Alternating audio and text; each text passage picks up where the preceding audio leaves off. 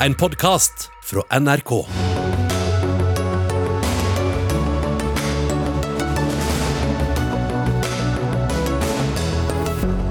Mindre enn to uker etter det brutale drapet på en lærer i Paris rammes Frankrike på ny av terror. Tre mennesker ble drept med kniv i forbindelse med et kirkebesøk i Nis. Flere europeiske land stenges igjen. Smittespredningen er ute av kontroll. Akkurat når vi trodde vi kunne jobbe som normalt igjen, ble vi sendt tilbake til hjemmekontor. Akademikerne er bekymret, tror mange ansatte ikke takler friheten helt selv. Og Norge gror igjen, advarer Senterpartiet i en ny reklamevideo. Legger skylda på veganerne. Og det er noen av sakene i dagens Dagsnytt 18. I studio Sigrid Solund. Frankrike er under angrep, sier president Emmanuel Macron etter dagens terrorangrep. Tre mennesker ble drept med kniv i forbindelse med et kirkebesøk ved kirken Notre-Dame i Nis, og en kvinne fikk halsen skåret over.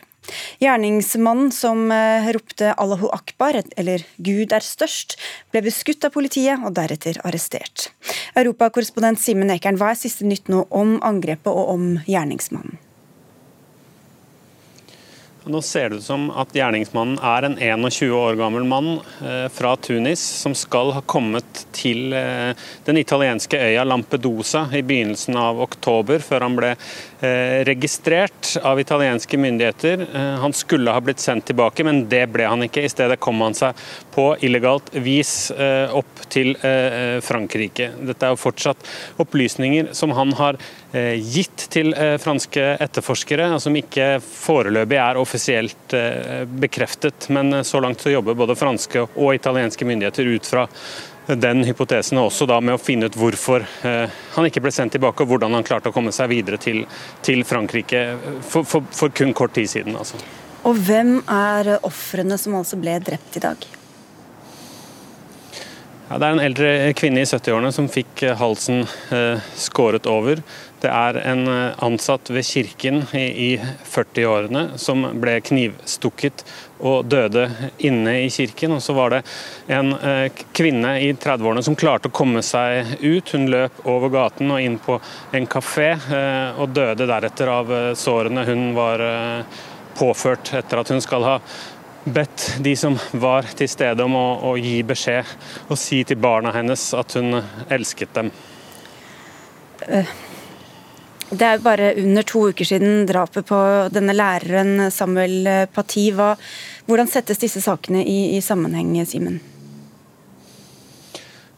Det er jo foreløpig ingen eh, konkrete bevis på at dette henger sammen på noen annen måte eh, enn at det kan ha vært en mulig eh, inspirasjonskilde. Men, men, det er jo altfor tidlig å, å, å, slå fast eh, noen konkrete forbindelse utover det. Da, utover at dette naturligvis er eh, det klimaet man lever i i Frankrike. Vi har sett eh, reaksjonene og den opphetede debatten i etterkant. så det er en av hypotesene man eh, arbeider ut fra, men altså ingen foreløpige tegn på at det er noen forbindelse mellom de to gjerningsmennene, f.eks. Vi skal komme litt tilbake til det, men først så går vi til deg, utenriksminister Ine Eriksen Søreide, direkte med oss fra Utenriksdepartementet. Det er en rekke europeiske ledere og flere religiøse ledere her hjemme også som har fordømt dette angrepet. Hva er Norges offisielle uttalelse her? Vi har veldig klart fordømt eh, angrepet og handlingen i dag og vist eh, tydelig medfølelse med det franske folk. Dette er en eh, veldig alvorlig sak, og det er et land nå i stor sorg både etter terrorangrepet mot læreren Samuel Paty for bare to uker siden, og nå dette. Og vi har vært veldig tydelige på solidariteten vi står sammen med Frankrike om. President Emmanuel Macron har i kjølvannet av drapet på læreren 16.10 skarpe ordelag fordømt reaksjonære krefter som går til angrep på ytringsfriheten i, i, i Frankrike. Er det også en uttalelse som Norge støtter?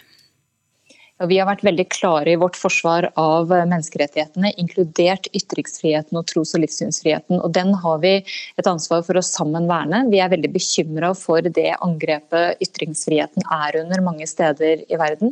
Og vi er også veldig klare på at vi sammen må bekjempe angrepene på den. Og ikke minst så er vi eh, nødt til å stå sammen om å ikke la oss true til taushet av terrorister. Nei, For hvordan eller I hvilken grad kan en sånn fordømmelse eventuelt sette norske interesser i fare, Søreide? Vi kommer til å forsvare ytringsfriheten. Det er en helt avgjørende og grunnleggende menneskerettighet. Og vi kommer også til å fordømme angrepene på ytringsfriheten.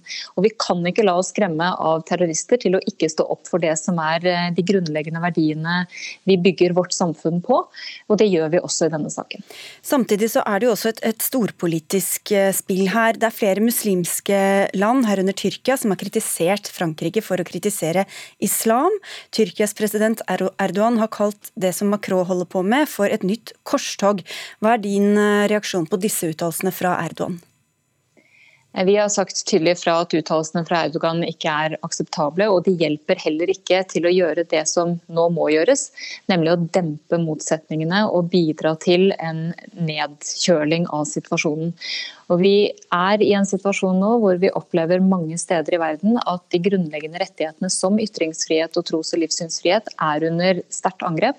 Og Da har politiske og religiøse ledere et ansvar for å bidra til å roe situasjonen. Hva med Macrons uttalelser om islam, da? Er dere enig i dem? Vi har vært veldig klare på at all form for ekstremisme, både islamistisk ekstremisme og annen religiøs ekstremisme, ikke har noen plass i våre samfunn. Og Derfor må vi stå sammen på de verdiene som er helt grunnleggende for oss. Som at man skal kunne tro og mene og tenke det man vil, at man skal kunne ytre det man vil. Og det gjør vi også i denne saken. Men islam er jo ikke det samme som ekstremisme. Hva, hvordan, hvordan, vurderer du de uttalelsene som, som Macron har hatt mot islam som religion? Vi har ikke noe ønske om å angripe islam som religion. Eh, tvert imot, vi ønsker jo at man skal ha tros- og livssynsfrihet. Det er en helt grunnleggende verdi for oss. Men vi må samtidig være tydelige på at de elementene i alle religioner som oppfordrer til ekstremisme, de tankene og de holdningene har ingen plass i våre samfunn. og Det gjelder eh, i alle former for religioner, også islam. og Derfor så er det et ansvar for alle å bidra til å verne om ytringsfriheten og ikke minst ta avstand fra ekstremisme. Det er det vi forventer av eh, ansvarlige ledere. Hvis vi nå ser en religiøs polarisering mellom da bl.a. Frankrike og Tyrkia, hva kan det gjøre med det internasjonale samarbeidet i Europa og i Nato, tror du? Jeg deltok i dag på et eh, OECD-møte med mange europeiske land og opplevde at det var en veldig klar holdning og en fordømmelse av angrepene og en, en klar støtte til Frankrike. Og Det opplever jeg også eh, at det er generelt. Så vil jo vi bidra til at spenningene dempes, sånn at Tyrkia som en alliert i Nato eh, både skal fortsette å være det, og at vi skal kunne fortsette samarbeidet mellom Nato og Tyrkia og Europa, EU og Tyrkia. Men samtidig så er det som nå skjer. og Man må jo også lese dette inn i en kontekst i et land som nå på to uker har opplevd to grusomme terrorangrep. At det er klart at man må også ta avstand fra ekstremisme, og man må fortsette å verne om ytringsfriheten. Takk skal du ha for at du var med i Dagsnytt 18, utenriksminister Ine Eriksen Søreide. Kristin Skare Orgeré, du er professor ved Institutt for journalistikk og mediefag, og har også selv familie i Frankrike og følger med tett på hva som skjer der. Og du sa til oss før sending at Macron, som vi har vært innom her, han kjemper en kamp på flere fronter. Hva slags kamper er det snakk om da? Nei, Vi ser jo, vi må egentlig trekke linjer helt tilbake til 2015, eh, da disse terrorangrepene mot Charlie Hebdo, altså satiremagasinet som publiserte karikaturene av eh, profeten Muhammed. Eh, helt, altså Det går en linje fra de handlingene og frem til det vi ser i dag, og det tror jeg er litt viktig for å forstå utviklingen. Tidligere i høst så startet rettssaken mot de som sto bak angrepene mot Charlie Hebdo, og da valgte satiremagasinet å på nytt publisere disse tegningene av profeten Muhammed, noe som vakte stor stor oppsikt. Og jeg tror også det drapet på læreren Samuel Paty for snart to uker siden må ses i lys av det at denne ytringsfrihetsdebatten, diskusjonen om hvor grensene skal og kan gå, eh, blusset opp på nytt. Og så ser vi jo da at eh, dette drapet i dag tar opp igjen noen av de elementene uten at vi vet helt klart eh, hvem som står bak, men det må også leses inn i da eh, kampen som Macron eh, kjemper for å bevare de sekulære verdiene. og Det er også helt essensielt for å forstå det som skjer i Frankrike i dag. Også hvordan det franske samfunn er tuftet på et helt klart skille mellom stat og religion eller tro, og at ytringsfrihet også skal stå svært sentralt. Og Hva slags press er han da under fra disse ulike frontene? Nei, Da er han under press internt, hvor noen mener at han ikke går langt nok i å være streng og klar i sin retorikk mot hva man skal akseptere av muslimer, av islam. Men han har jo virkelig skrudd til retorikken sin der den senere tid, og gått ut med ganske drastiske meldinger, som bl.a. at han sier at islam er i krise internasjonalt, noe som vakte stor oppsikt og mye frustrasjon blant muslimer verden over. Og så ser vi jo også etter at han Eh, læreren Samuel Paty fikk en nasjonal begravelse og står frem som symbolet på det franske. Eh, og at Macron har uttalt ting som at vi må tåle karikaturer i ytringsfrihetens navn. Forrige fredag ble Nok en gang disse karikaturtegningene vist på veldig mange offisielle bygninger over hele Frankrike. Eh, blåst opp stort som eh, lysbilder på fasaden av offentlige bygg, eh, som har provosert enormt internasjonalt. I går så vi at så mange som titalls tusen muslimer protesterte og brant bilder av Macron i Dhaka, Bangladesh hovedstad. Så dette vekker mye frustrasjon langt utover Frankrikes grenser. Men dette er jo altså da et, i rekken av terrorangrep. Hvorfor har islamistisk tankegods og vold fått grobunn i akkurat Frankrike? Det er et veldig komplisert spørsmål, men eh, jeg tror vi, kan, vi må se dette i lys av Frankrike som gammel kolonimakt. Eh, det gjør at det er nå fire-fem eh, millioner muslimer som bor i Frankrike. De aller fleste fungerer veldig godt og er godt integrert. Samtidig så er det en del, kanskje særlig unge, som føler på utenforskap, som føler veldig høy arbeidsledighet og fattigdom, og at det er vanskeligere å bli virkelig integrert i det franske samfunn, selv om du kanskje er fjerde-femte generasjons innvandrer. Og det er klart det ligger og skaper en grobunn for ekstremisme. Men det må også sies at, og nå hørte vi jo Simen Ekern si at sannsynligvis var dette nok en gang en ung, radikalisert uh, utlending, denne gang fra Tunisia sannsynligvis, som er kommet til Frankrike. Og det gjelder jo en rekke av de uh, terrorangrepene vi har sett de senere år. Så har det vært, og læreren Samuel Paty ble drept av en tsjetsjensk 18-åring som nylig var, eller bare for noen få år siden var kommet til Frankrike.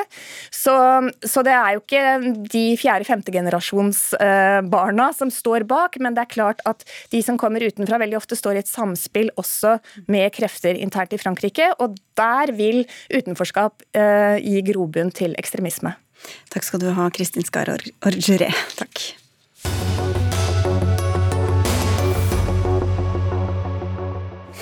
Terroren i Frankrike kommer da i et land som allerede er hardt rammet av koronapandemien, og hvor samfunnet nå igjen skal stenges og folk må holde seg hjemme. Tallet på døde av covid-19 har steget drastisk, og hvordan reagerer folk nå på en ny nedstenging? Ingrid Bergo, du er med oss fra Paris, hvor du jobber som journalist for nettavisen The Local France. Ja, det, akkurat som du sa, så kom det jo egentlig ikke som en så veldig stor overraskelse her i Frankrike, nettopp pga. de veldig høye smittetallene, de høye sykehustallene. Og de sykehustallene er liksom det som er det aller viktigste nå, fordi de stiger så innmari raskt. Så nå befinner vi oss egentlig litt i en déjà vu-situasjon, der hvor vi var i mars. Hvor presidenten og hans regjering har tatt veldig strenge grep som en siste utvei til å liksom redde sykehusene før det er for sent.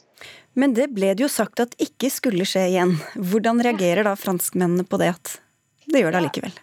Det er nettopp det, da. Eh, rett etter Macrons tale i går så var det mange som kritiserte han for å liksom gå tilbake på nettopp det han hadde lovt. Han hadde jo lovet Frankrike dere skal ikke inn i en ny nasjonal lockdown. De hadde åpnet for at det kunne være lokale lockdowns, men ikke en type nasjonal sånn som vi ser nå. Overraskende nok, rett etter hans tale i går, så uh, var det en uh, meningsmåling som gikk ut som sa at 77 av de som hadde sett på talen, um, og som hadde deltatt på denne meningsmålingen, støttet en ny lockdown. Um, og Det er jo et ganske høyt tall. og Det vi har sett i medier i dag, og det vi har skrevet om for The Local, har egentlig vist at folk flest skjønner hvorfor vi nå skal inn i lockdown, fordi situasjonen er så utrolig prekær som det den er. Men samtidig er de ikke så veldig glad for at det kommer til å skje. Og De er vel ikke så glade heller i utelivsbransjen eller kulturlivet eller turistbransjen i Frankrike? Nei, de er triste. De er veldig triste. Um, det var veldig vanskelig nå under lockdown det, i, i, i våres. Det økonomiske krasjet som fulgte, har vært veldig tungt for veldig mange. Og de har slitt nå hele sommeren for å liksom jobbe seg tilbake det de tapte. Og husk at det her var liksom det første som skjedde med eh, bare restaurantbransjen og butikkeiere osv. i Frankrike. Vi hadde, I fjor så hadde vi gule vester som, eh, som, dere kanskje husker, protesterte hver lørdag. Så det førte til at allerede folk hadde liksom mista en del penger i fjor. Og så kom generalstreik med transportstreik osv. Så, videre. så liksom det, det her baller bare på seg. Da. Og nå i går, det, altså, det man leser av reaksjoner osv., det var ganske hjerteskjærende. Det er mange som lurer på hvordan dette her kommer til å gå. Så langt Frankrike. Tilbake til deg, Simen Ekern, europakorrespondent. Hvordan er eh, tilstanden ellers i Vest-Europa? Her i Italia så holder folk eh, pusten eh, og venter vel egentlig på å se om, det kommer til de samme tiltakene her som i Frankrike. Foreløpig er jo restauranter og barer stengt eh, etter klokka seks, og statsminister Giuseppe Conte håper at de tiltakene som allerede er innført skal hindre mer drastiske tiltak. Men vi så jo i går Angela Merkel i Tyskland fortelle tyskerne at de er nødt til å gi avkall på noe av sin frihet for å stanse denne smittespredningen. I Belgia er det også en eh, eksplosjonsartet eh, spredning. Det samme fortsetter eh, i Spania. Så bildet ser jo ganske dystert ut. Og fra EU-hold så har man i dag også hatt samtaler der man vurderer om det er på tide med noen flere felles nedstengningstiltak. Man jobber jo hele tiden hardt med å koordinere innsatsen. Vi kan ikke klare dette alene, sa Giuseppe Conte her i Italia igjen i dag. Hvordan havnet Europa da der igjen? Ja, Det er jo vanskelig å, å, å, si. Det var jo mange som snakket om denne andre bølgen, og kanskje altfor få som virkelig eh, trodde på den. Men vi har jo sett, særlig da i, i Frankrike, at mange eh, eksperter eh, og politikerne ble rett og slett tatt på senga i eh, de siste to ukene. Man har sett at det har steget eh, raskt, og så går det fra en rask stigning til å eh, minne om en haug med fyrverkeri som ble tent på, som en av Macrons rådgivere sa det. Så det er vanskelig å si hvordan eh, man kunne bli så tatt på senga, men det har, har man altså blitt. Da skal vi østover til deg, Roger Severin Bruland. Du er også europakorrespondent og befinner deg i Tsjekkia på vei til Polen. Eh, hvordan står det til i disse landene? Tsjekkia er jo det landet i Europa som har mest smitte. og I dag besøkte jeg et eh, universitetssykehus som har rekruttert 150 medisinstudenter, rett og slett fordi at de mangler personell. Eh, de venter en flodbølge av pasienter nå de neste 14 dager og stålsetter seg eh, for eh, fulle sykehuskorridorer. Jeg snakka med en sykehusdirektør som var svært bekymra, og sa det at målet hans var at hans sykehus skulle ikke bli et nytt Bergamo. Og Det er det de jobber nå, veldig hardt for å øke kapasiteten. Få eh, ikke-koronapasienter ut på et feltsykehus, eh, slik at en har kapasitet til å ta imot den flodbølga som alle ser nå komme. Mm. Og Hvordan er situasjonen ellers i Øst-Europa? Ja, Vi ser jo eh, stor smitteøke egentlig i alle østeuropeiske land. Og vi ser også relativt eh, høye dødstall. Og vi ser også nå at en begynner å gjeninnføre portforbud, sånn som her i Tsjekkia, for å prøve å hindre at eh, ikke bare at en stenger ned restauranter og kafeer, men for å hindre at folk har fester i parken eller på gata, så går politiet rundt nå i Prahas gate etter klokka ni og jager rett og slett eh, folk eh, hjem igjen. Og så er håpet det at eh, en vil se at kurven begynner å flate ut om 14 dager. For hvis den ikke gjør det, så er nok Tsjekkia og mange andre land både i Øst- og Sentral-Europa virkelig, virkelig ille ute. Takk skal du ha, Roger Sevrin Bruland, og takk til Simen Ekern og til Ingrid Bergo.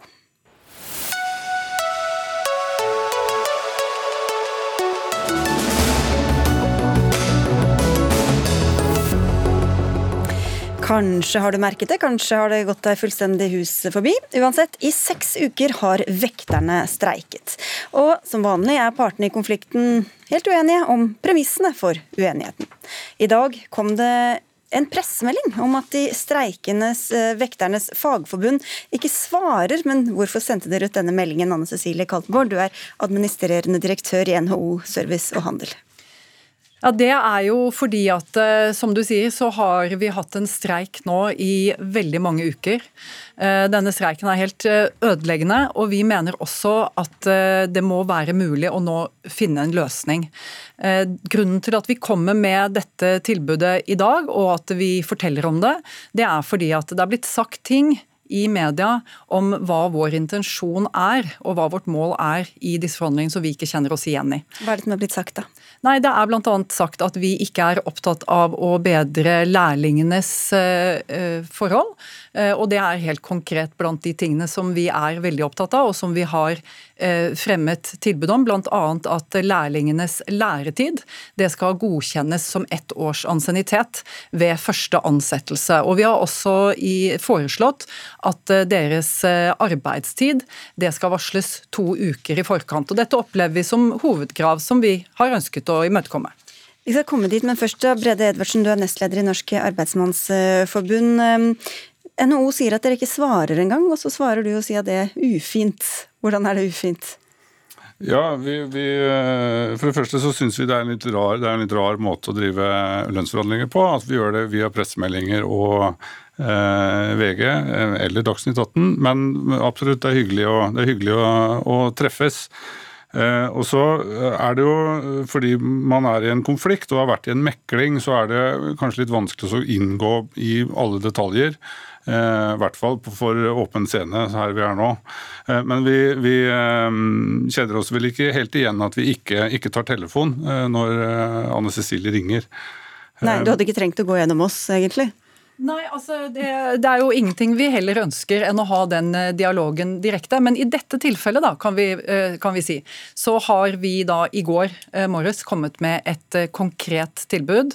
Og en av de tingene som det er blitt sagt offentlig at, om det som vi tidligere har tilbudt, er at vi ikke har imøtekommet den rammen som frontfaget la for dette lønnsoppgjøret. Og det kjenner vi oss ikke igjen i. Og det er en av årsakene til at vi mente at at nå er det faktisk viktig at vi gjør vår intensjon kjent. At vi har gitt seriøse tilbud, og at vi ikke forstår at ikke det skulle være mulig å nå en enighet omkring det.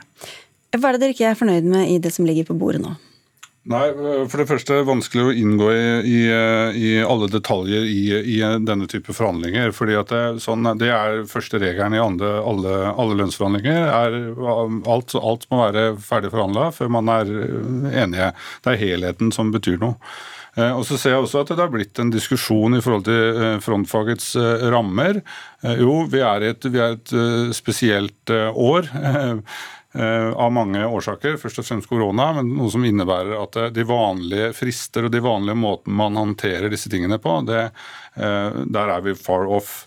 Så det med lønnstillegg i seg selv, det har jo noe med når, når er virkningstidspunktet fra, for når endringene skal tre inn osv. osv. Eh, så det med, det med sjølve om man er eh, på innsida eller utsida av ramma, det, det, det, er et regnestykke, egentlig.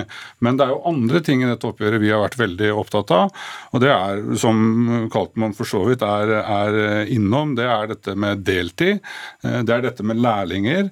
Og det er det med forutsigbarhet for eget arbeidsforhold og eget, egen inntekt i en bransje der stort sett alt arbeid det er satt ut på anbud.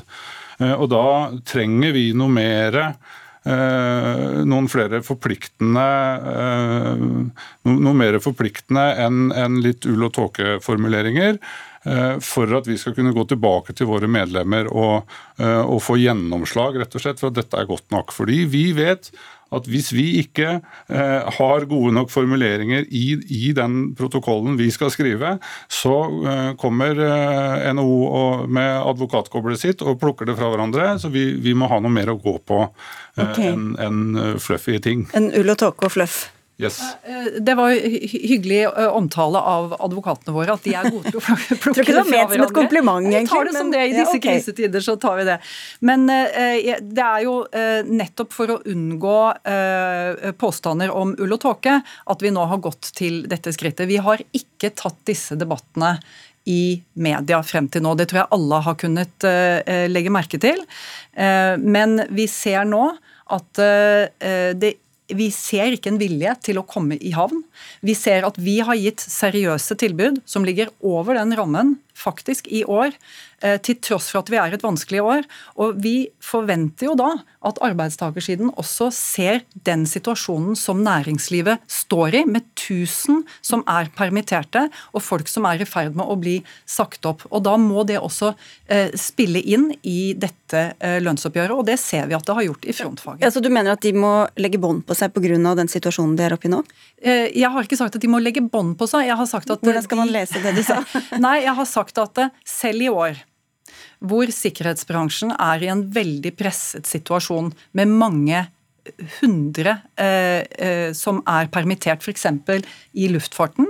Selv i dette året så har vi gått noe utover rammen fordi vi mener det er så viktig å komme i havn, og fordi det har skjedd mye omkring vekternes utdanning og, og kompetanseheving de siste årene. Til tross for det så ser vi ikke noen vilje til å avslutte denne streiken. Og vi stiller oss spørsmålet hva skal til nå for å komme i havn med denne streiken, når vi så helt åpenbart ønsker det, når vi har møtekommet både det som går på forskuttering av sykefravær, det som går på lærlingers situasjon, det som går på natt og helg, og det som går på eh, generelt tillegg. Og Da tenker vi at vi har imøtekommet veldig mye av de sentrale tingene i dette oppgjøret. Det er jo litt vanskelig for eh, lyttere og seere og meg for så vidt også å ta stilling til alle disse kravene eller hva som, er, hva som utgjør hva, men bare det å, å, streike så lenge i en sånn situasjon som vi er oppe i nå, hvor, hvor fintfølende vil du si at det er? Ja, vi, vi er ikke noe glad for å, for å streike verken i denne situasjonen eller i andre situasjoner, for så vidt. Det, det viser jo det der vi nå har tatt ut vekterne våre i streik, at vi, vi er opptatt av at det ikke skal forverre situasjonen eh, ytterligere med tanke på, på smitte og korona. Men det, det, det, dette jo handler om, det var at eh, vi mener arbeidsgiversida har gått fra et løfte de ga tilbake i 2010 Eh, hvor vekterne ble lovet en, eh, en eh, lønnsutvikling som var skulle nærme seg frontfaget. Det, det står, står, til og med i tariffavtalen. Det gikk fint helt til vi i, kom til 2016. Da ser vi at lønnsutviklinga går Eh, feil vei når det gjelder det med kroner og øre. Så det vi ønsker oss er forpliktende ordlyder rundt dette. Ok, Du får få ti sekunder til slutt ja, her. Altså, eh, eh, Dere har jo da skrevet til deres, eh, deres ansatte at 2,3 eh, er ikke blitt tatt igjen, og det er det vi nå ligger etter etter, etter de siste årene. Jeg syns at dette året er et veldig krevende år å velge å kreve en opptrappingsplan når bedriftene står i en så usikker situasjon. Jeg tror dere får fortsette i et annet værelse, og lykke til med det. Og så skal vi si takk til dere begge for at dere kom. Anne Cecilie Kaltenborn fra NHO Service og Handel og Brede Edvardsen fra Norsk Arbeidsmannsforbund.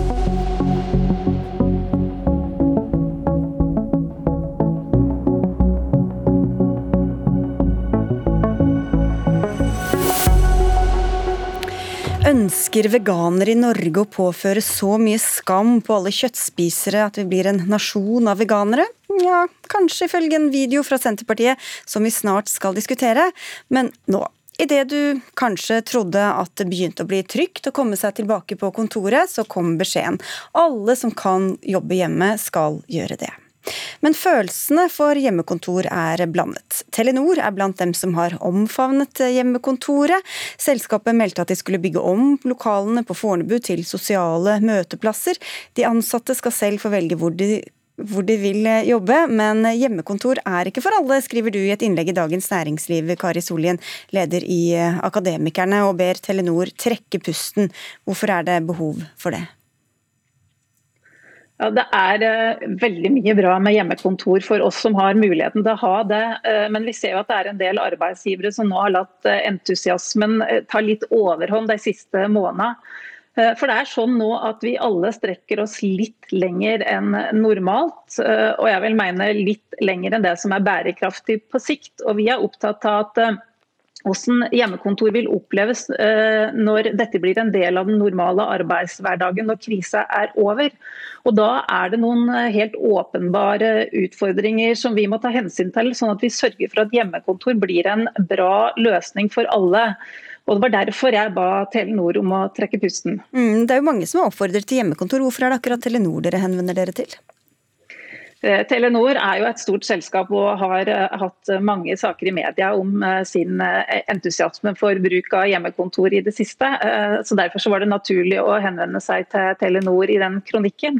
Men dette ser vi at gjelder flere arbeidsgivere. Det er ikke bare Telenor, men Telenor er en særlig stor og, og arbeidsgiver som er veldig synlig for mange. Så, så Derfor så var det naturlig å, å, skrive kronikken rettet til Telenor i denne omgang. Og det var jo et svar på en kronikk som HR-sjefen eh, i Telenor hadde skrevet før meg. Ja, hun sitter her, eh, Cecilie Høek, eh, altså konserndirektør for HR i Telenor. Jeg vet ikke om denne omtalte entusiasmen har dabbet av, for det har vært litt fram og tilbake, blitt oppfattet hvor entusiastiske dere faktisk er for hjemmekontor. Hva, hva, sier dere nå? Det vi er entusiastiske for, det er fleksibilitet. Det vil si en blanding av hjemmekontor og å komme på kontoret.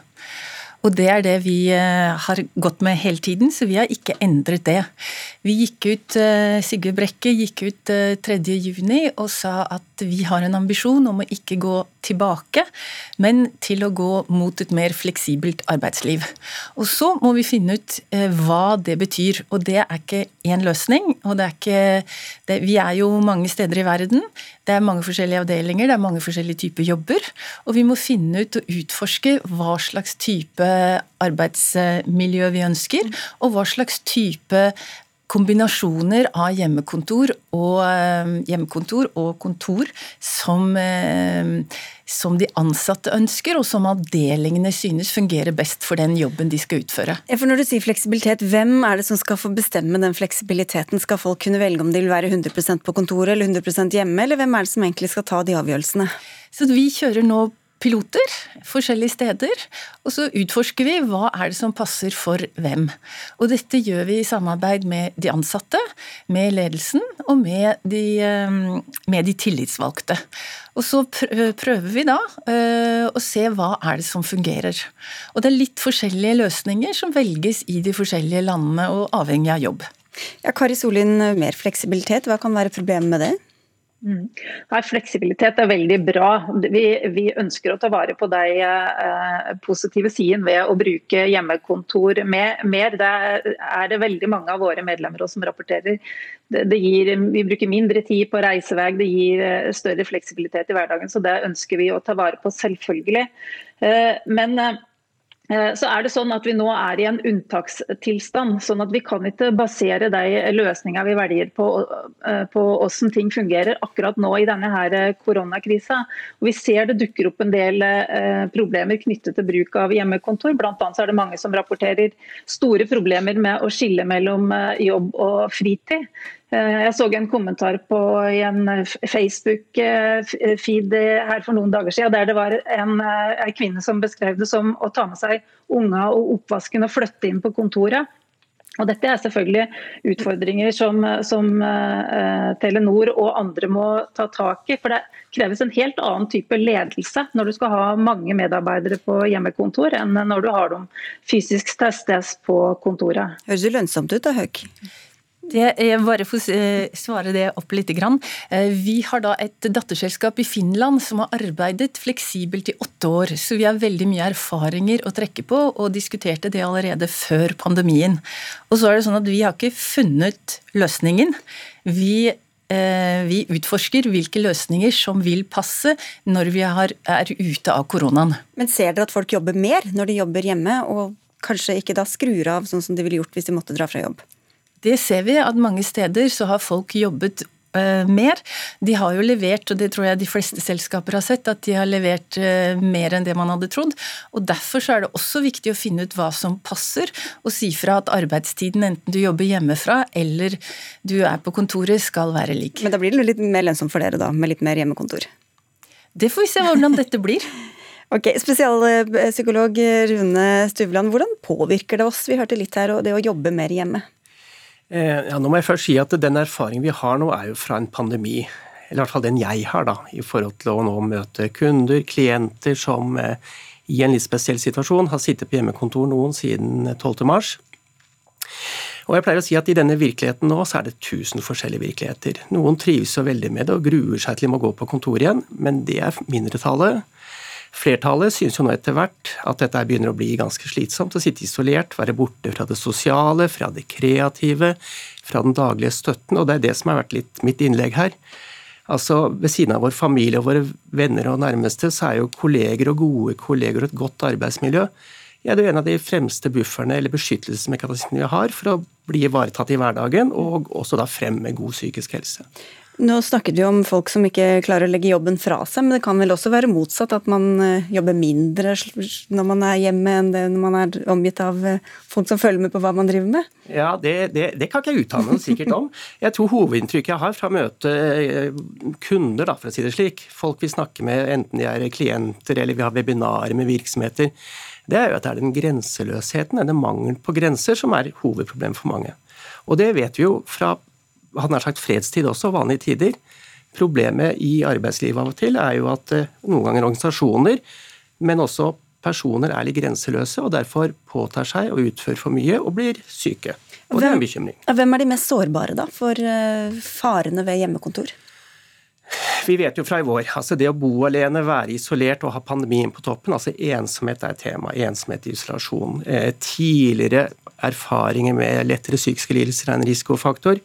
Eh, men, men, vi vet jo også, altså være hjemme med barn Nå er jo barna tilbake på skolen, stort sett, selv om mange nå ser, og vil se dette neste halvåret og året, at vi har barn hjemme pga. karantener og snufsing og det ene og det andre. Altså Det å ha et veldig ustabilt hjem med mye belastninger ved siden av arbeidet, oppå arbeidet, det er jo åpenbart ikke godt. I våre undersøkelser så har vi sett litt på de forskjellige aldersgruppene òg, og det er de yngste som har mistet eh, mest motivasjon. De bor jo ofte alene, kanskje trangt.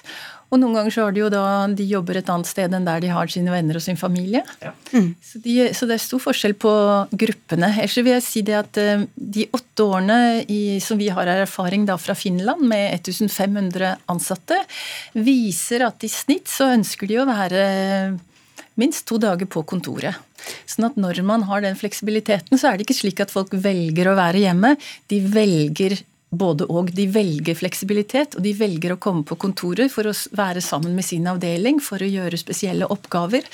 Å, eh, og det er jo det vi ønsker som arbeidsgiver også, å bygge kultur, bygge samhold på jobben, og at man løser oppgaver sammen. Og hvis Jeg får skyte inn, altså jeg er jo krisepsykolog, og eh, det er ikke, vi er i en krise. I mars var vi virkelig i den. Vi er den fortsatt. Og Det har preget hvordan vi er også. Dette er jo en bredere debatt dere egentlig har her i dag om hjemmekontor og hvordan det skal organiseres. Men, eh, men, det er en krevende tid. og eh, jeg, tenker jo det at det er farlig, å, og det skjønner jeg veldig godt, det er farlig å lage presedens nærmest på erfaringer fra en krise. Men det er spennende å høre om det dere gjør, eller? Ja, det blir, mye, det blir mye å oppsummere. Vi må nesten avslutte der. Takk skal dere ha, alle tre. Cecilie Høeg fra Telenor, Rune Stubland som er eh, psykolog, og Kari Sollien, leder for Akademikerne.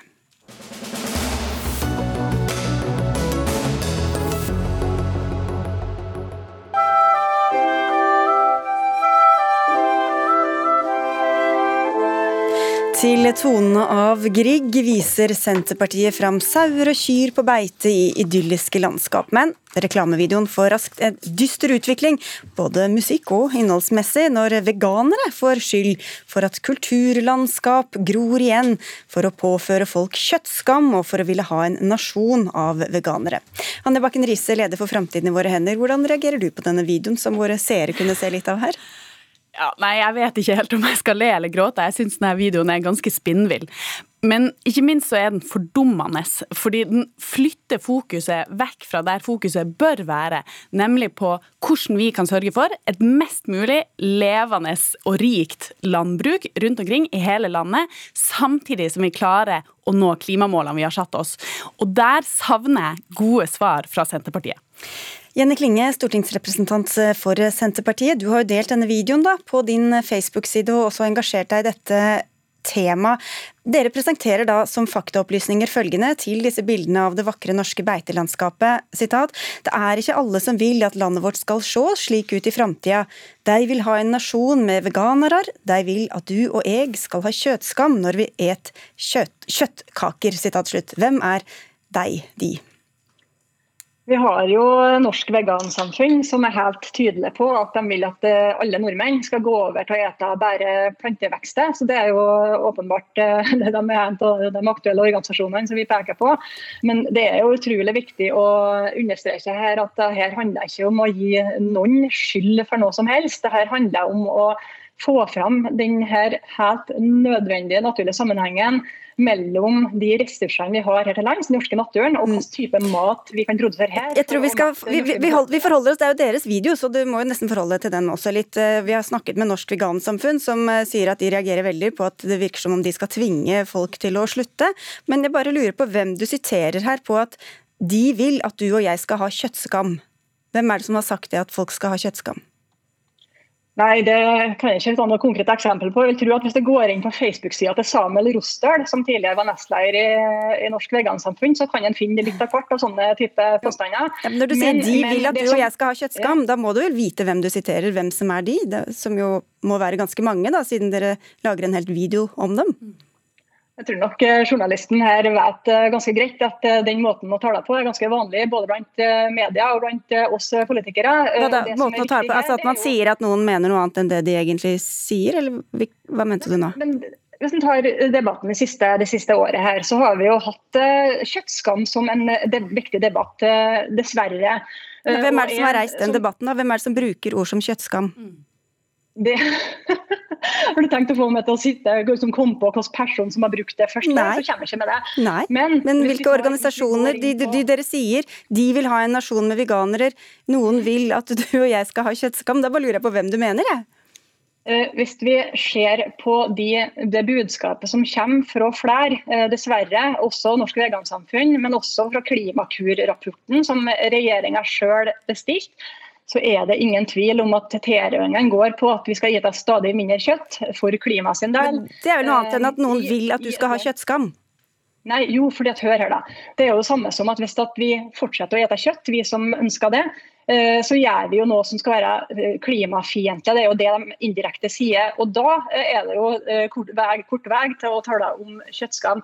Det som jeg er kjølig opptatt av, det er jo at nordmenn skal få fortsette å ete den maten som vi har gitt i generasjoner, som er basert på norske fòrressurser, det norske landskapet, norske kulturlandskapet, som har gjort det mulig for oss å bli både stor og sterk, og et, folk som har blant de høyest gjennomsnittlige levealdrene i, i verden. Og Det aller aller viktigste i denne filmen her er jo budskapet om at det er en tett sammenheng mellom vår matsikkerhet, vår matberedskap og det å fortsette med husdyrhold rundt om i det vakre landet vårt. Ok, Du har røkt opp hånden mange ganger nå, Riise, men selv om ikke du vil vedkjenne deg noe kjøttskam, så vil dere i hvert fall at vi skal spise mindre kjøtt. Den saken er jo klar. Det er helt riktig, og vi sier det ikke engang indirekte. Eh, vi mener helt konkret at det er en tydelig sammenheng mellom hva vi spiser og klimagassutslippene, eh, og det er Klimakur helt tydelig på. Men la oss bare si det en gang for alle. De eneste her som snakker om å påføre andre kjøttskam, det er Senterpartiet. Jeg vet ikke om noen andre som ønsker det. Men når det er sagt, så er det ingen tvil om at vi må gjøre noe for å få ned utslippene i Norge, også fra landbruket. Men det er jo interessant da når vi snakker om hvem som er historieløs. fordi I Norge for 30 år siden så spiste vi veldig mye mindre kjøtt enn det vi gjør i dag. Da hadde vi flere gårder, da hadde vi flere bønder. Da hadde vi den type landbruk rundt omkring i hele landet som Senterpartiet etterspør. Så det er jo ikke det er jo ikke det som er problemet når vi snakker om å ha et levende jordbruk i hele landet. Det er jo landbrukspolitikken som til enhver tid føres. Og da har jeg lyst til å utfordre Senterpartiet. fordi hvordan skal vi sørge for det her? Vi vil både ha et levende jordbruk, og vi vil redusere klimautslippene. Vi i Framtiden våre hender mener at vi må gjøre to ting. Det ene er at vi må eh, fortsette, eller vi må tilrettelegge for at vi som forbrukere spiser litt mindre kjøtt litt mindre kjøtt.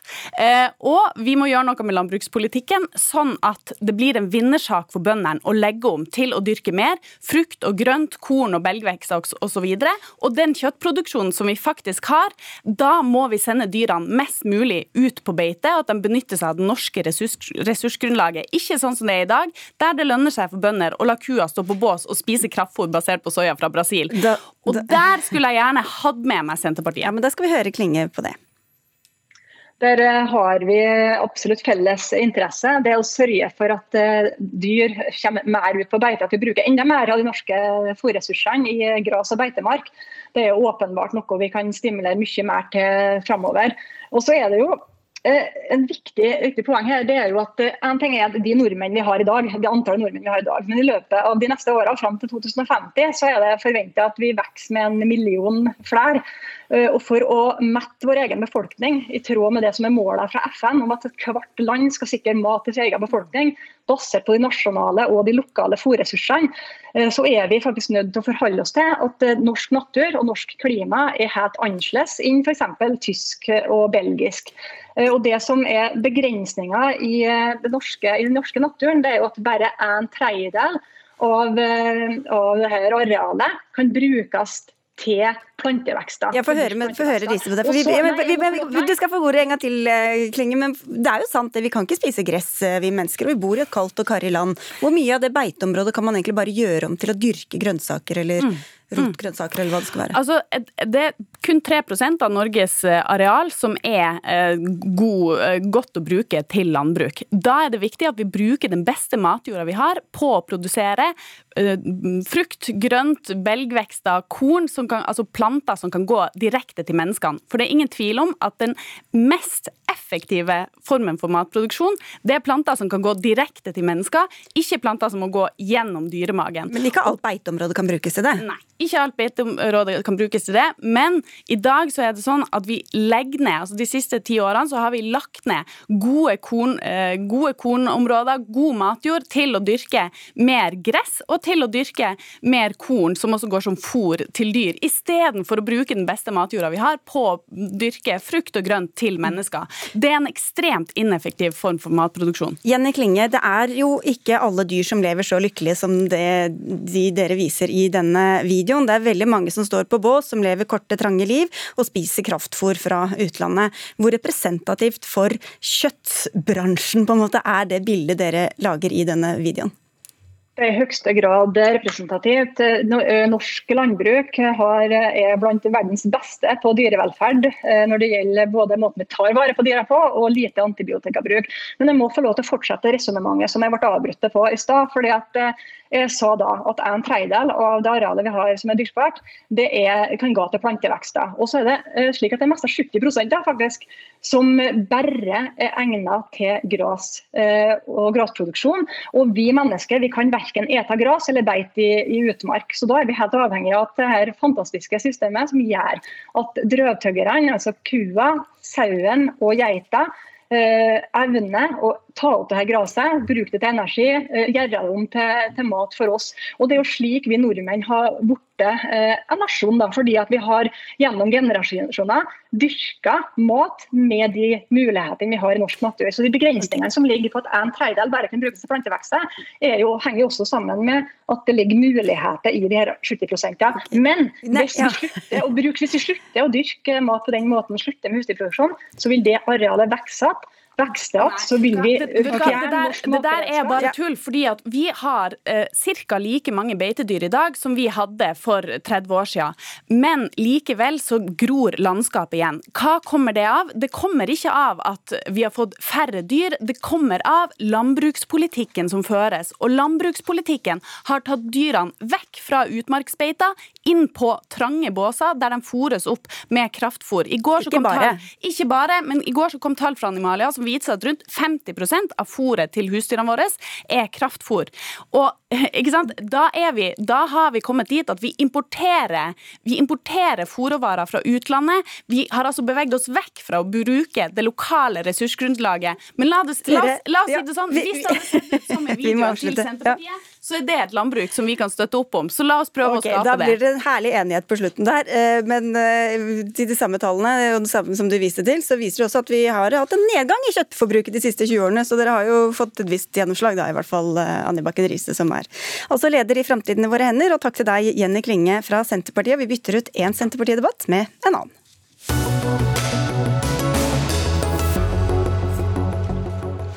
Å skrote politireformen vil gi et byråkratiboom. Det mener Høyre, og advarselen er altså rettet mot Senterpartiet, som vil bygge opp igjen lokale lensmannskontorer. Det skriver Dagbladet i dag.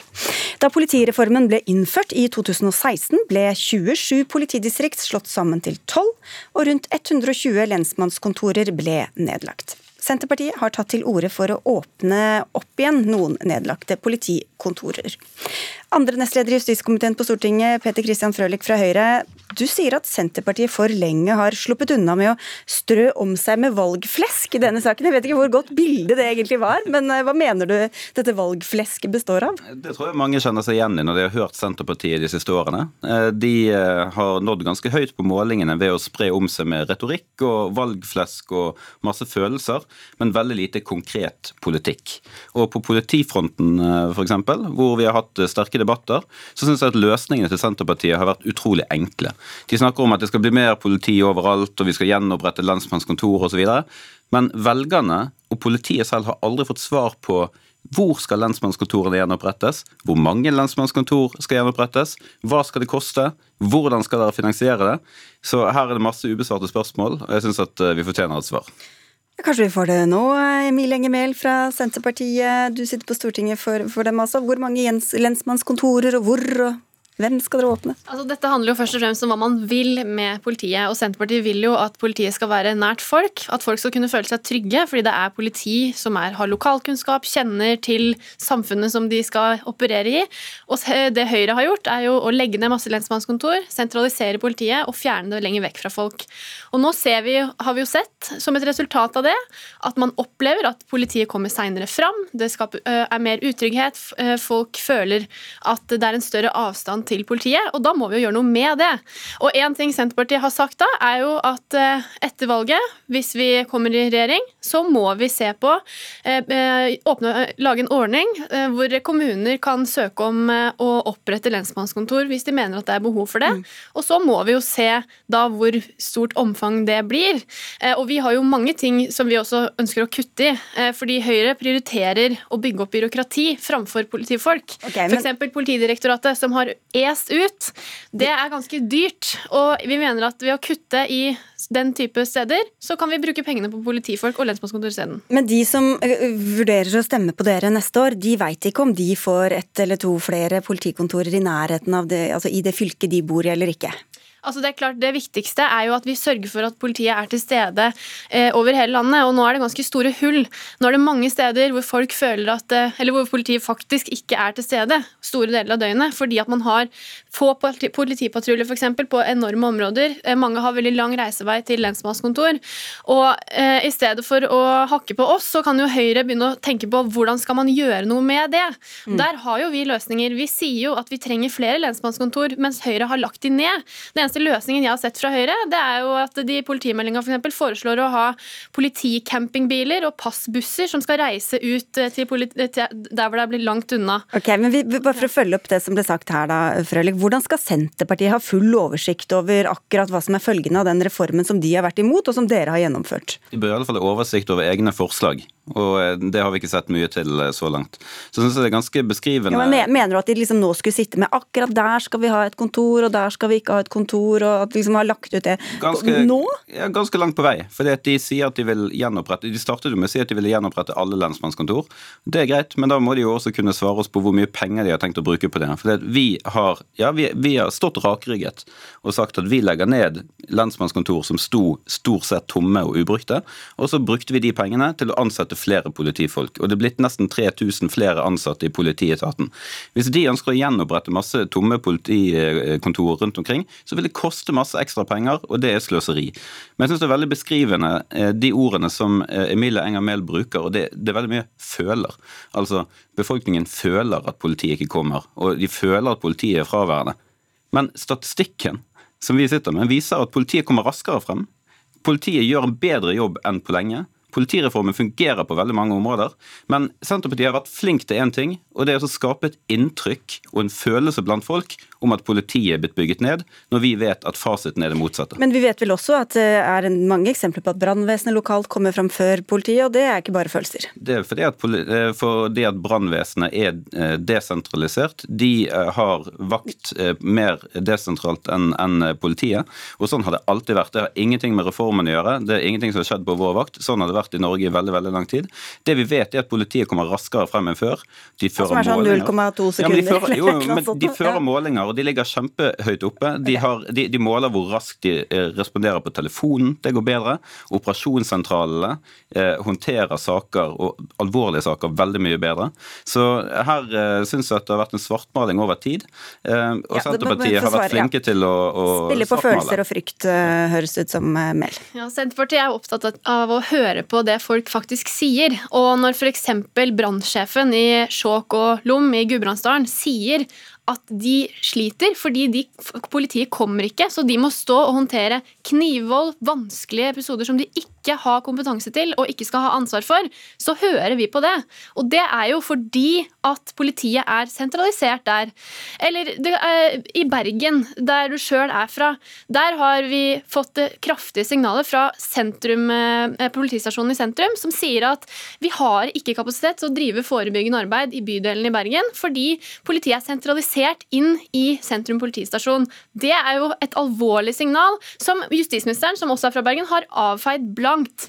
Vi ser jo også Statistisk sett eh, så eh, har vi et stortingsvedtak faktisk fra 2018 som Høyre var med på, som sier at gjenværende lensmannskontorer skal styrkes.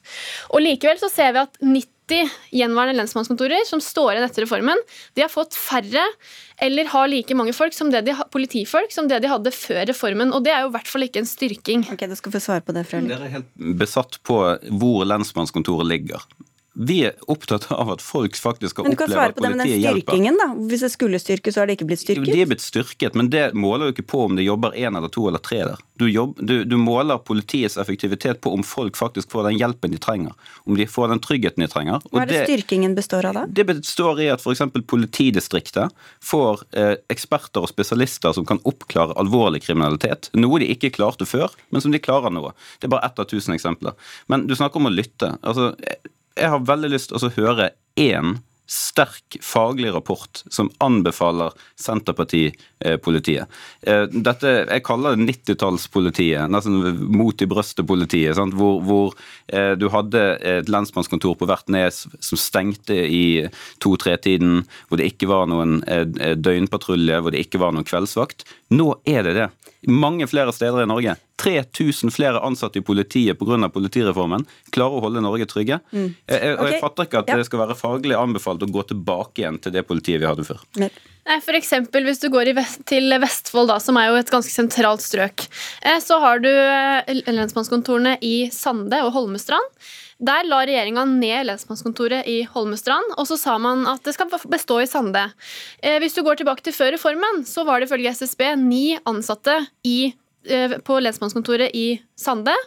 Og nå er det eh, veldig få og åpent én dag i uka. Det var, det, eh, det, var det, det var, jo det Høyre sa. Sånn vil okay, vi ikke men, ha det. Vi avslutter litt sånn overordna nå, for du anklaget Høyre for å bidra til mer byråkrati. altså flere, Bruke mer av stillingen på byråkrati. Men hvor, hvor, mye byråkrati blir det hvis dere skal gjenåpne enda flere kontorer, med alt det byråkratiske det fører med seg? Nei, Det blir veldig lite. fordi det som koster penger i politiet, det er politifolk.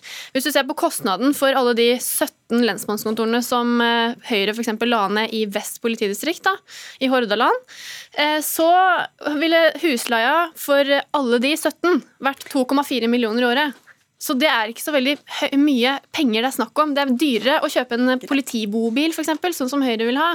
Så det er vi... politifolka som er kostnad, og de må vi ha flere av mm, uansett. Og nå må vi avslutte der, men uh, si takk for at dere kom begge to. Emil Enger Mehl fra Senterpartiet og Peter Christian Frølich fra Høyre. Dagsnytt 18 er over for uh, denne gang. Ida Tune Øresland, Ida Laland Brenna og jeg, Sigrid Solund, takk for følget.